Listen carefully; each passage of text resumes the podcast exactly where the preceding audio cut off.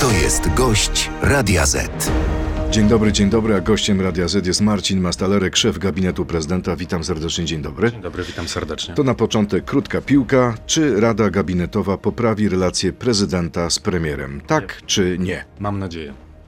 Nasz gość ma nadzieję, a ciekaw jestem Państwa opinii. Zapraszam na stronę radioz.pl i odpowiedź na pytanie, czy Rada Gabinetowa, dzisiejsza Rada, poprawi relacje prezydenta z premierem. Panie ministrze, po co prezydentowi ta dzisiejsza Rada? Ona ma wzmocnić jego pozycję i pokazać Polakom, że prezydent po dwóch miesiącach rozlicza rząd?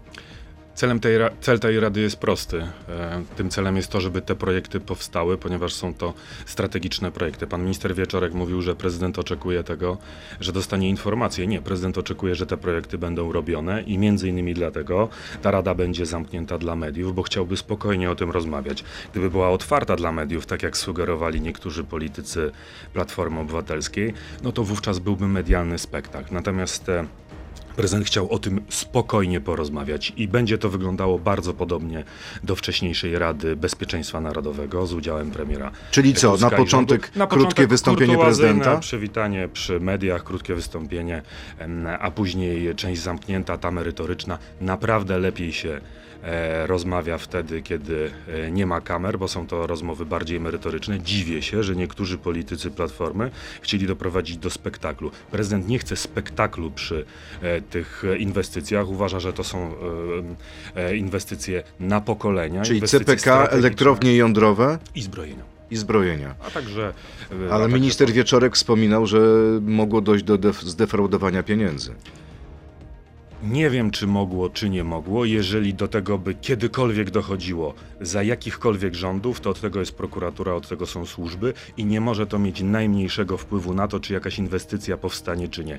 To jeżeli dochodziłoby kiedykolwiek do jakiejś defraudacji przy jakichkolwiek inwestycjach, to to nie podważa strategicznych e, inwestycji. To znaczy, albo my potrzebujemy w Polsce atomu, albo my potrzebujemy centralnego em, e, portu komunikacyjnego i zbrojeń. Potrzebujemy, albo robimy wymówki. I dziś rząd powinien po prostu wziąć się do roboty. I po to to spotkanie. Jeszcze raz, prezydent oczekuje, Czyli prezydent chce robione. zmusić rząd do tego, żeby realizował projekty Prawa i Sprawiedliwości? zmusi. To nie są projekty Prawa i Sprawiedliwości, bo przede wszystkim te projekty popierają parlamentarzyści ze wszystkich ugrupowań. Jest przecież w Sejmie zespół i do niego zapisali się przedstawiciele różnych e, ugrupowań i opcji politycznych. Zmusić polityków, z mojego doświadczenia, do czegokolwiek mogą tylko wyborcy i poparcie społeczne. I prezydent wokół tych inwestycji będzie e, budował poparcie społeczne, bo inaczej politycy, to wie pan, mm, e, jak mm, To chyba pan wie lepiej, e, bo działają. to pan jest politykiem. Ja nie jestem politykiem, Jest pan politykiem, jest pan politykiem. Jestem sekretarzem stanu skromnym. Tak, Skromny w, sekretarz e, stanu, osoba numer dwa w pałacu. Wiceprezydent mówią o panu. Premier Tusk proponuje, aby na tej Radzie dzisiejszej rozmawiać też o ostatnich słowach prezydenta Donalda Trumpa. Prezydent Duda go posłucha?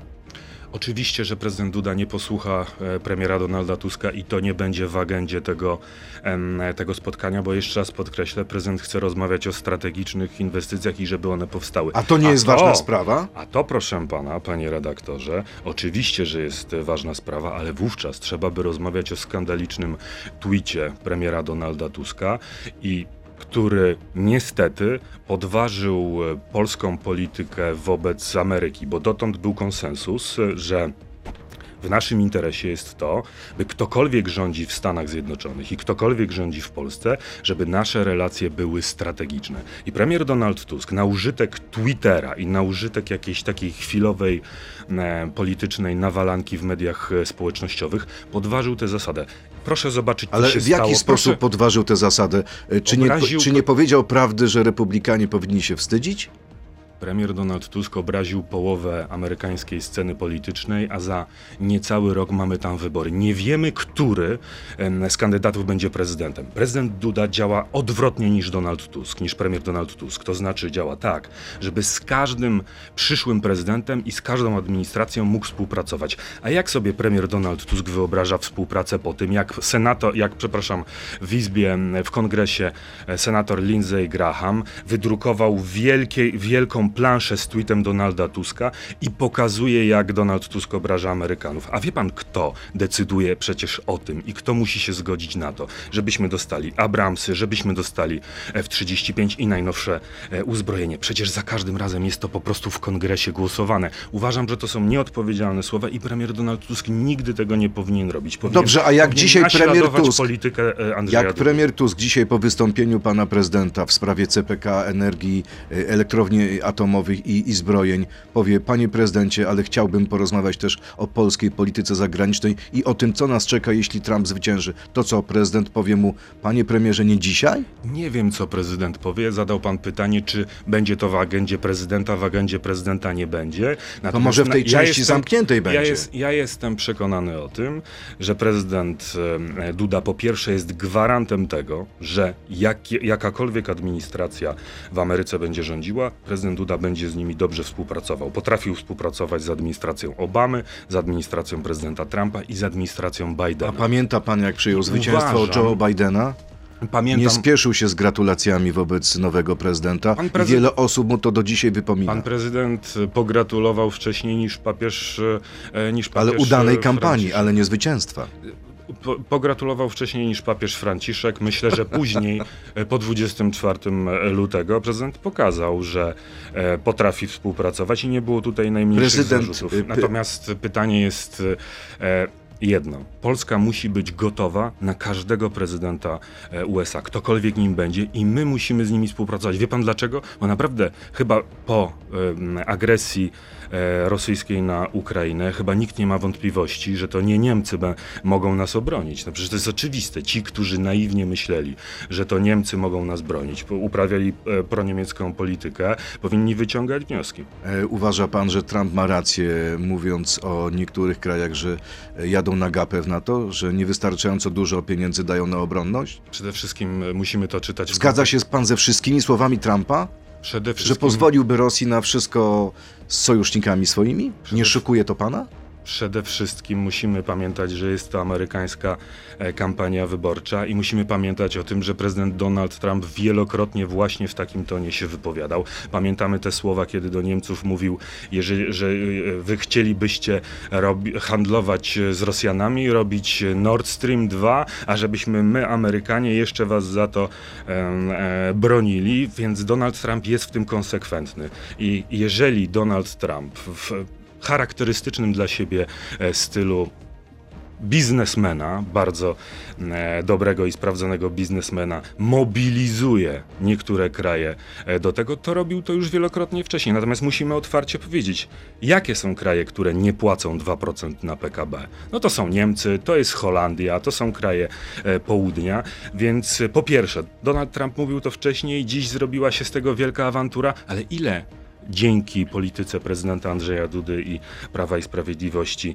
mm, Polska wydaje na zbrojenia. 4% PKB, więc te słowa nie odnosiły się e, do Polski. Ja je odczytuję jako mobilizowanie sojuszników z zachodu e, Europy. Panie ministrze, y, ta wizyta wczorajsza Donalda Tuska w Berlinie i Paryżu to jest dobry kierunek dla Polski?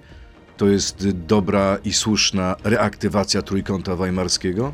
No, trudno mówić o reaktywacji Trójkąta Weimarskiego wtedy, kiedy przecież nie tak dawno, bo, bo, bo, bo rok temu odbyło się spotkanie Trójkąta Weimarskiego na marginesie szczytu, na, na ma- marginesie konferencji monachijskiej. E, Był to prezydent Duda, prezydent Macron i e, kanclerz Scholz. Jeszcze nie było przecież spotkania Trójkąta Weimarskiego. To jest oczywiste że premier, który ma dobre kontakty e, w Europie, będzie się spotykał w Niemczech e, i we Francji. Czyli Ale prezydent jeszcze... nie ma nic przeciwko temu. Oczywiście, że nie ma nic I tutaj wspiera premiera. Oczywiście, że wspiera, tak samo jak są wizyty, takie jak była wizyta na e, Ukrainie premiera Donalda Tuska, panowie o tym rozmawiali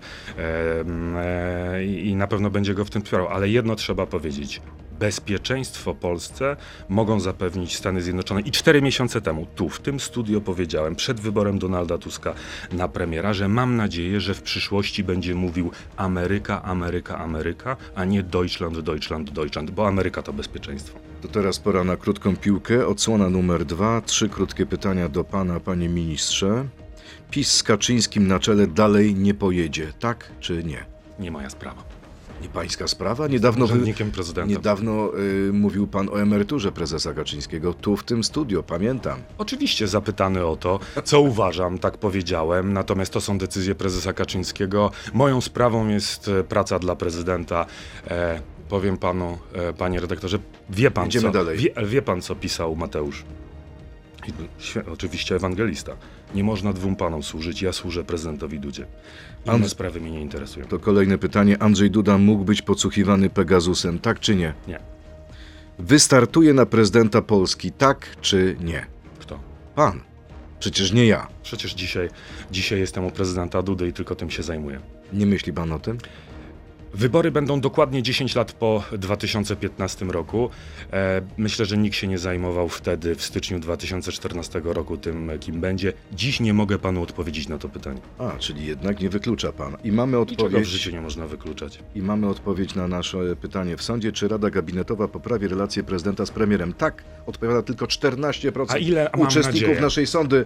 Nie, A mam nadzieję, ile 86 nie ma takiej możliwości. A, a mam nadzieję, nikt nie odpowiedział? Mam nadzieję, że Państwo zostaną z nami. Zapraszam do części internetowej naszej rozmowy. Też mam nadzieję, zapraszam, dziękuję.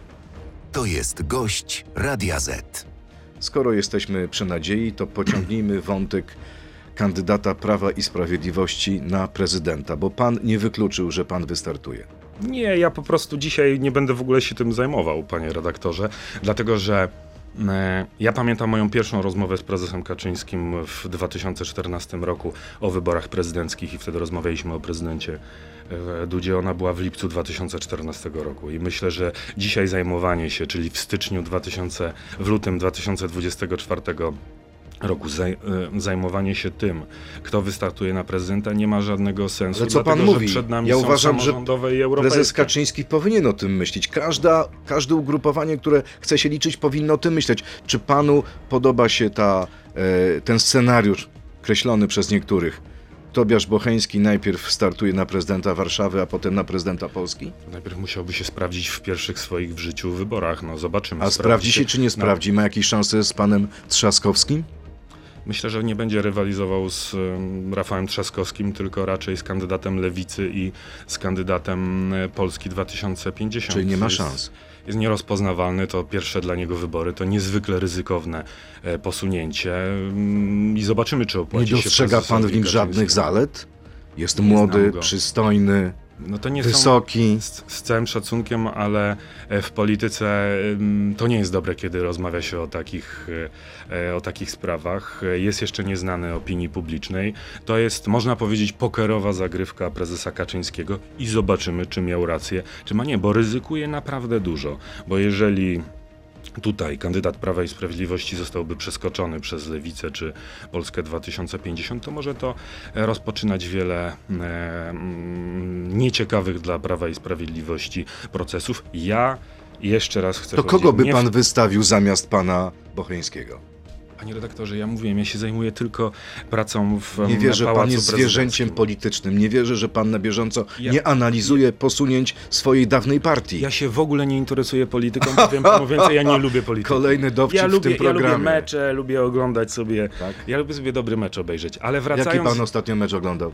No ostatnio niestety Ekstraklasa dopiero wróciła, więc em, oglądałem, Legii oglądałem Legię na wyjeździe. Tak, wygrała Legia. Ale wracając do tych sondaży, widział pan te sondaże, które pokazują prezydenckie, że do drugiej tury mogą przejść dwaj kandydaci koalicji, Szymon Hołownia i Rafał Trzaskowski. Ale nie było tam poważnego kandydata Prawa i Sprawiedliwości. Trzeba by... Bocheński jest niepoważny? No panie redaktorze, Mówię no, o sondażu no, facet Radia Z. nigdy, nigdzie nie startował i po, podstawiają go do sondażu z Trzaskowskim i Hołownią i dziwią się, że, że jest na trzecim miejscu, żeby taki sondaż był wiarygodny. Ja zawsze mówię, że to jest gra sondażami. No żeby taki sondaż był wiarygodny, to trzeba by zbadać Morawieckiego albo premier Szydło.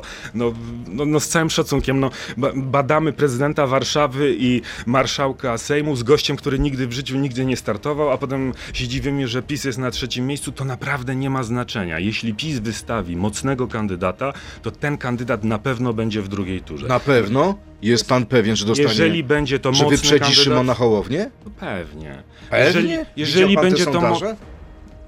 No, panie 24%, 26%. On jest na eksponowanym miejscu. Oczywiście. Sądzi pan, że spadnie jego popularność? Sądzę, że jeżeli Prawo i Sprawiedliwość wystawi mocnego kandydata, rozpoznawalnego, no takiego jak któryś z byłych e, premierów, to w ogóle nie mamy o czym mówić. Na pewno kandydat Prawa i Sprawiedliwości jest, e, jest w drugiej turze, w ogóle nie mamy o czym A rozmawiać. myśli pan, że Jedyne Rafał Trzaskowski ryzyko- wystartuje, czy raczej Donald Tusk? Konsekwentnie od długiego czasu mówię, że wystartuje Donald Tusk. A dlaczego?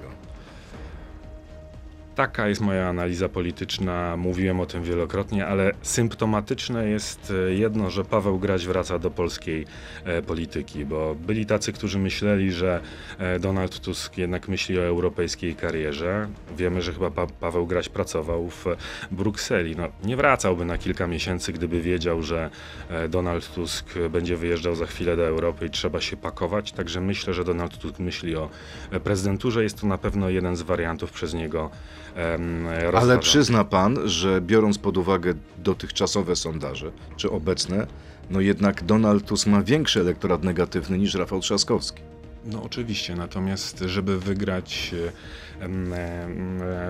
żeby wygrać wybory, trzeba być w drugiej turze. Żeby być w drugiej turze, jedna z dwóch wielkich partii musi pana wystawić. Tak do tej pory e, bywało. Na razie nikomu nie udało się od wielu lat e, tego przełamać. Ja raczej patrząc na Prawo i Sprawiedliwość, przypominam, co stało się z Platformą Obywatelską, kiedy wystawiła panią Kidawę Błońską. Jeśli Prawo i Sprawiedliwość pójdzie drogą Platformy Obywatelskiej z 2020 roku i wystawi słabego kandydata, który będzie miał kilka procent, to może wystartować ktoś taki jak Hołownia i może tego kandydata po prostu wyprzedzić. A pamiętamy, że prawie doprowadziłoby do, do rozpadu Platformy Obywatelskiej, bo mm, pewne procesy Czy ja polityczne dobrze pana rozumiem, e, że jeśli. PiS nie wystawi albo Morawieckiego, albo pani Szydło, Albo to może kogoś- się rozpaść? Albo kogoś bardzo rozpoznawalnego, e, A znanego. pan minister i- Rozmawiamy Nie wiem, czy państwo jestem widzą. W, jestem w ukrytej kamerze, panie Pan, redaktorze. pan minister E, Mastalerek no stracił jakby- głos, nie- ale się uśmiecha. Jakby, żeby wygrać wybory prezydenckie, nie można być na skrajnym skrzydle. Ja uważam, że mm, pan minister Czarnek jest bardzo potrzebny w takich szerokich e, formacjach, jakimi jest Prawo i Sprawiedliwość. Jest na prawym skrzydle. Nie słyszałem jeszcze, żeby w wyborach prezydenckich wystawiać kogoś e, ze skrajnie, e, ze, ze, ze skrajnego skrzydła, no chyba, że się chce dostać 15% i chce się ryzykować tym, że wy, wystartuje jakiś umiarkowany em, polityk. Widzi pan miejsce w tych wyborach prezydenckich dla kandydata e, zaskakującego, dla kandydata Zawsze taki spoza jest. partii politycznych? Oczywiście, zawsze taki jest, ale ciężko mu będzie wejść do drugiej tury, jeżeli będą mocni kandydaci mm, e, dwóch największych partii. Do tego dochodzi Szymon Hołownia. Szansą dla takiego kandydata są słabsi kandydaci, e, kan, słabszy kandydat z jednej partii. Natomiast wiem jedno, panie redaktorze, że prawica, Zjednoczona Prawica, ten obóz obóz dobrej zmiany, jeśli nie będzie miał bardzo mocnego wsparcia prezydenta e, Dudy w e, tych wyborach, jeśli ten kandydat nie będzie miał, to będą mieli bardzo ciężko. Czyli rozumiem, że tylko prezydent będzie takim kołem ratunkowym dla kandydata PiSu. Ale wie pan, że ja pamiętam pańskie słowa przed wyborami parlamentarnymi? Mówił pan to samo. W, e, bo to jest prawda i będę to mówił również za pół roku, jak co, mnie pan zaprosi. I to po prostu y, PiS nie skorzystał z pańskiej oferty. Jakby, no przecież wi- mówiłem to e, wówczas we wrześniu, że popełniają grzech pychy, wystawili słabe listy, e, myśleli, że wygrają i się zdziwili. A Przecież jak ja to- przed tym ostrzegałem, no serce mam po prawej stronie i, i chciałem dobrze dla tej formacji. Wszystko, co mówiłem, mówiłem dla, dla jej dobra. A jak pan widzi to, co może się stać w wyborach samorządowych i wyborach europejskich? Czy te słowa prezesa Kaczyńskiego ostatnie o zamachu stanu, o tym, że mogą być zabójstwa polityczne w Polsce, one szkodzą czy pomagają PiSowi? Jak się patrzy na ostatni sondaż, kolejny taki, Polster dla Super Expressu, koalicja wyprzedza już PiS. Przede wszystkim jest efekt świeżości po, po tym, jak stworzono rząd. E, natomiast em, oczekiwania wobec Prawa i Sprawiedliwości są niewysokie przed wyborami samorządowymi. Sondaże zaczynają pokazywać, że jest mijanka. Natomiast e, proszę zwrócić uwagę, że wybory samorządowe będą przy dużo niższej frekwencji niż wybory parlamentarne, więc nie będą do końca miarodajne, a to może e, wpływać dobrze na zmobilizowany, jeśli będzie oczywiście, elektorat e, Prawa i Sprawiedliwości i jeżeli Prawo i Sprawiedliwość nie popełni grzechu z wyborów parlamentarnych i wystawi mocne listy do sejmików, takie, żeby kandydaci byli dobrzy, to ma bardzo dużą szansę wygrać i pokazać, że te e, sondaże to fikcja i łuda i, i pewnego rodzaju gra. Jeśli wystawią słabe listy, zrobią kampanię, e, Platforma wygra choćby jednym procentem, to będzie niestety, będą niestety dla PiSu uruchomione te pewne procesy polityczne no niekorzystne. Zrobił pan zręczny unik, bo nie odpowiedział mi pan, y, nie skomentował pan słów prezesa Kaczyńskiego. Zapytam jeszcze raz, w jakiej kondycji intelektualnej dzisiaj jest prezes Kaczyński, pana zdaniem? Ja zrobiłem ten unik, oczywiście świadomie nie chcę komentować słów e, prezesa Kaczyńskiego, e, natomiast rozumiem go, bo jest prowokowany w sposób e, obrzydliwy. E, Kto go jednak- prowokuje i czym go prowokuje? Widzimy co, się, widzimy, co się dzieje, te transparenty. No, jakby trzeba zrozumieć człowieka, em, któremu, który miał brata bliźniaka, kt- który zginął e, pod Smoleńskiem, jeżeli przychodzi się z transparentami, jeżeli jakby no to nie są, to jest barbarzyństwo, tak? Jest on prowokowany w sposób e, najbardziej obrzydliwy, natomiast co do tych... Ja mówię o tych wypowiedziach bardziej O- z korytarza sejmowego, bo to była ja tak- wypowiedź o zabójstwach politycznych Znaczy, Sejmu. To jest oczywiste, to co powiedział prezes Kaczyński o zabójstwach politycznych, e, to jest po prostu historia. No, opisał Ale to historię zabrzmiało 2000 tak, że na zlecenie władzy. Pan 2010 podejrzewam będzie mówił o panu Rosiaku. No tak, w 2010 były członek Platformy Obywatelskiej z koła w Częstochowie, wyrzucony przez Platformę za niepłacenie składek, próbował na krakowskim przedmieściu Ale e, nikt tego zamordować, morderstwa nie e, zlecał. Ale przecież prezes Kaczyński nie powiedział tutaj, jak rozumiem, że ktoś je zlecił. To jest interpretacja słów. E, Jak pan, e, panie redaktorze, e, widzi, staram się bronić prezesa Kaczyńskiego i akurat tu w tej sprawie go rozumiem, bo po pierwsze do mordu politycznego doszło na członku Prawa i Sprawiedliwości. Mało tego, w śledztwie wyszło, że ten e, były członek Platformy próbował na krakowskim przedmieściu zamordować Jarosława Kaczyńskiego podczas jednej z miesięcznic, tylko nie podszedł zbyt blisko, bo była zbyt dobra ochrona. Pytania od naszych słuchaczy jest seria, więc proszę o krótkie odpowiedzi. Powtórka z mojego pytania, troszeczkę inna wersja. Czy gdyby pan otrzymał propozycję od PiSu kandydowania w wyborach prezydenckich, widzi pan możliwość przyjęcia takiej propozycji? Panie redaktorze, ja z prezesem Kaczyńskim nie rozmawiałem 9 lat, więc nie sądzę, żeby zadzwonił z taką propozycją. Na szczęście nie muszę się o to martwić. Kolejne pytanie, czy uważa pan, że byłby pan lepszym kandydatem na prezydenta Warszawy niż aktualny kandydat PiSu? Nigdy nie chciałem kandydować na e, prezydenta Warszawy, a że jestem osobą skromną, to nie będę odpowiadał. Jak pan ocenia słowa mera Lwowa, który uderza w polskich rolników? O tych, którzy wczoraj wysypywali zboże, miał powiedzieć, że to są prorosyjscy prowokatorzy, potem za to przepraszał. No, oczywiście nie powinny takie słowa padać, one są skandaliczne, to nie są prorosyjscy e, prowokatorzy, to są ludzie, którzy walczą o, o swój biznes, o swoje życie, o swoje rodziny i my mamy z Ukrainą strategiczne stra, strategiczne interesy, interesy bezpieczeństwa i będziemy jako Polska Ukrainę e, wspierali, natomiast będą sprawy, w których będziemy mieli e, inne zdanie i to jest normalne, tak jak Niemcy i Francja mają różne zdanie w pewnie rolnicy niemieccy i francuscy mają e, inne zdanie, ale są to państwa, które współpracują. Tak musimy się jako Polska nauczyć, że pomimo tego, że, że jesteśmy przyjacielem Ukrainy, że dbamy, że, że, że oni mają wojnę, że my dbamy o ich bezpieczeństwo, że walczymy, żeby mieli uzbrojenie, żeby e, później byli odbudowywani, to będą sprawy, w których e, będziemy mieli inne interesy. I teraz pytanie, czy będzie wygrywało zdroworozsądkowe myślenie, takie jak ma e, prezydent Duda, że właśnie są sprawy strategiczne i są sprawy, w których nie bę- będziemy mieli inne zdanie, musimy się dogadać,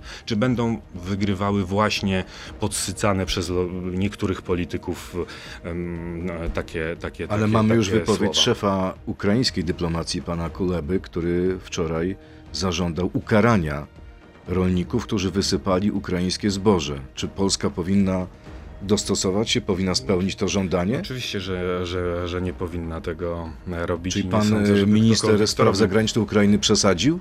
Uważam, że Trzeba patrzeć na strategiczne interesy, a oczywiście przywiązywać wielką wagę do tych mniejszych i nie dać się prowokować, dlatego że te prowokacje będą wykorzystywane przez e, naszych wrogów. To normalne, że będziemy mieli z Ukrainą w wielu miejscach e, inne zdanie, ale patrzmy na Niemcy i Francję i patrzmy, jak oni jednak. I, i, i uważajmy, że to jest normalne. Tak, takie sprawy będą się e, zdarzały. Nie dajmy się prowokować, nie dajmy się podpuszczać i myślę, że zarówno Merlowa, jak i, jak i minister spraw zagranicznych no, powinni, powinni bardziej mm, zastanawiać się nad, e, nad pewnymi żądaniami wystawianymi wobec e, Polski. Kolejne pytanie, czy prezydent dalej uczy się języka angielskiego? Prezydent powiedział, że uczy się całe życie. Więc to nic złego, jakby prezydent, widziałem go w wielu sytuacjach, e, w których rozmawia z dziennikarzami, udziela wywiadów po angielsku, świetnie mówi, świetnie mówi po angielsku, wyciągane są gdzieś z e, kontekstu wypowiedzi, gdzie każdy się zatnie, czasem mówimy po polsku i zatniemy się i, i po prostu jest część osób, która próbuje z tego e, śmieszkować. Życzę im, żeby tak dobrze znali angielski jak e, prezydent Duda.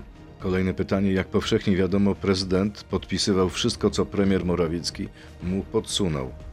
Czy prezydent już podpisał się na gipsie pana Morawieckiego? Prezydent Duda ma najwięcej bardzo ważnych ustaw dla swojego obozu zawetowanych w historii wszystkich prezydentów.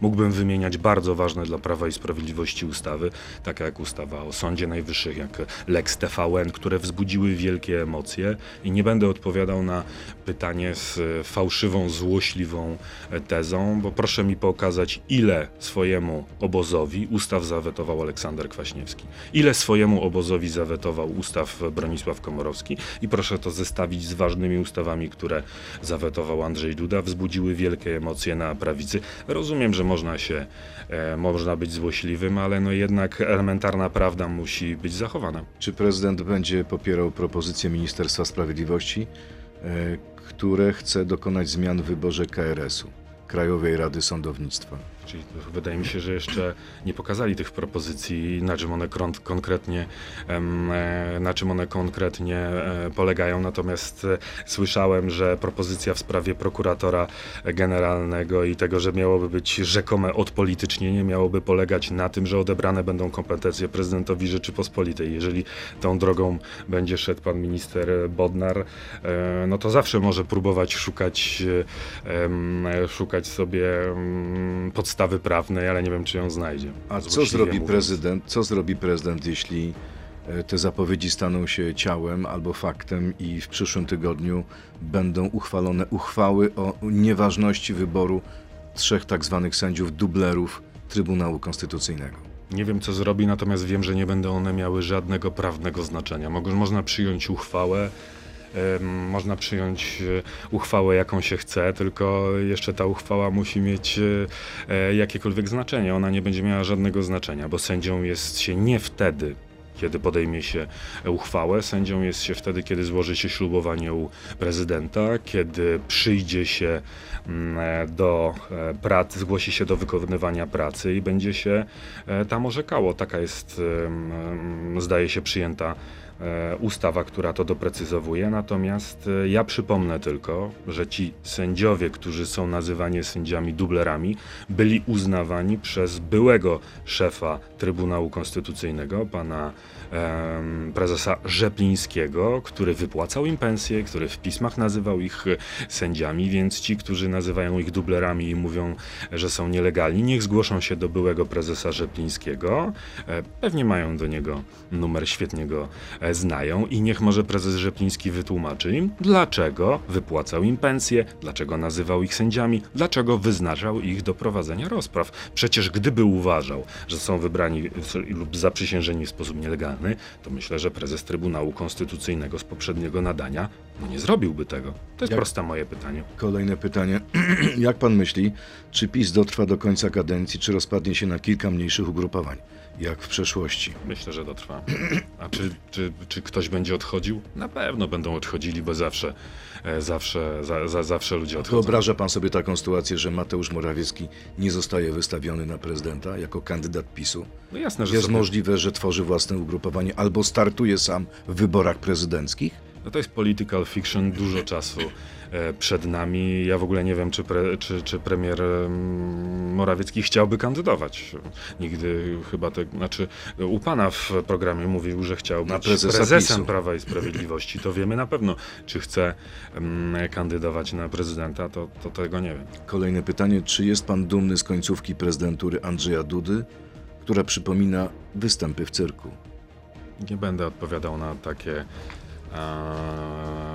pytania, bo to nie ma żadnego sensu. Myślę, że e, myślę, że jestem dumny z tego, co prezydent robi e, i mam nadzieję, że będę jeszcze bardziej dumny, bo wiem, jak będzie wyglądała ta e, końcówka i jestem wielkim e, optymistą. Poważnie traktuje pan analizy? Ceni pan analizy Jana Rokity? To bardziej publicystyka. No właśnie, E, dzisiaj jest to bardziej publicystą publicystyka. I powiedział Natomiast niedawno nie- Jan Rokita w jednym z wywiadów, że on ceni pana prezydenta Dudy, ale niestety w ostatnim czasie prezydent daje się ogrywać e, Donaldowi Tuskowi. Kto ma większość w parlamencie, ten ma instrumenty. Taką mamy konstytucję. Prezydent ma wielki mandat e, społeczny, e, natomiast nie ma realnych instrumentów i do tej pory zawsze, mm, e, od kiedy pamiętam, jest mówione, że to rząd może ogrywać prezydenta, bo ma po prostu takie instrumenty. I ludzie tego nie rozumieją. Myślę, że to jest publicystyczna wypowiedź Jana Marii Rokity, który, e, który zdaje sobie przecież sprawę z tego, jak wygląda usytuowanie prezydenta Rzeczypospolitej e, w Konstytucji. Dlaczego, kolejne pytanie, dlaczego pan prezydent nie zareagował na pojawiające się w sieci informacje o dewastacji i zrównaniu z ziemią tzw. polskiego cmentarza w Brodach? W tamtym tygodniu Sejm RP przegłosował przedłużenie wsparcia dla uchodźców z Ukrainy, a w zamian za to Polacy zobaczyli środkowy palec. Ja nie znam tej sytuacji, nie wiem czy to było, może prezydent był wtedy w Afryce, nie wiem kiedy to, e, nie wiem e, kiedy to było.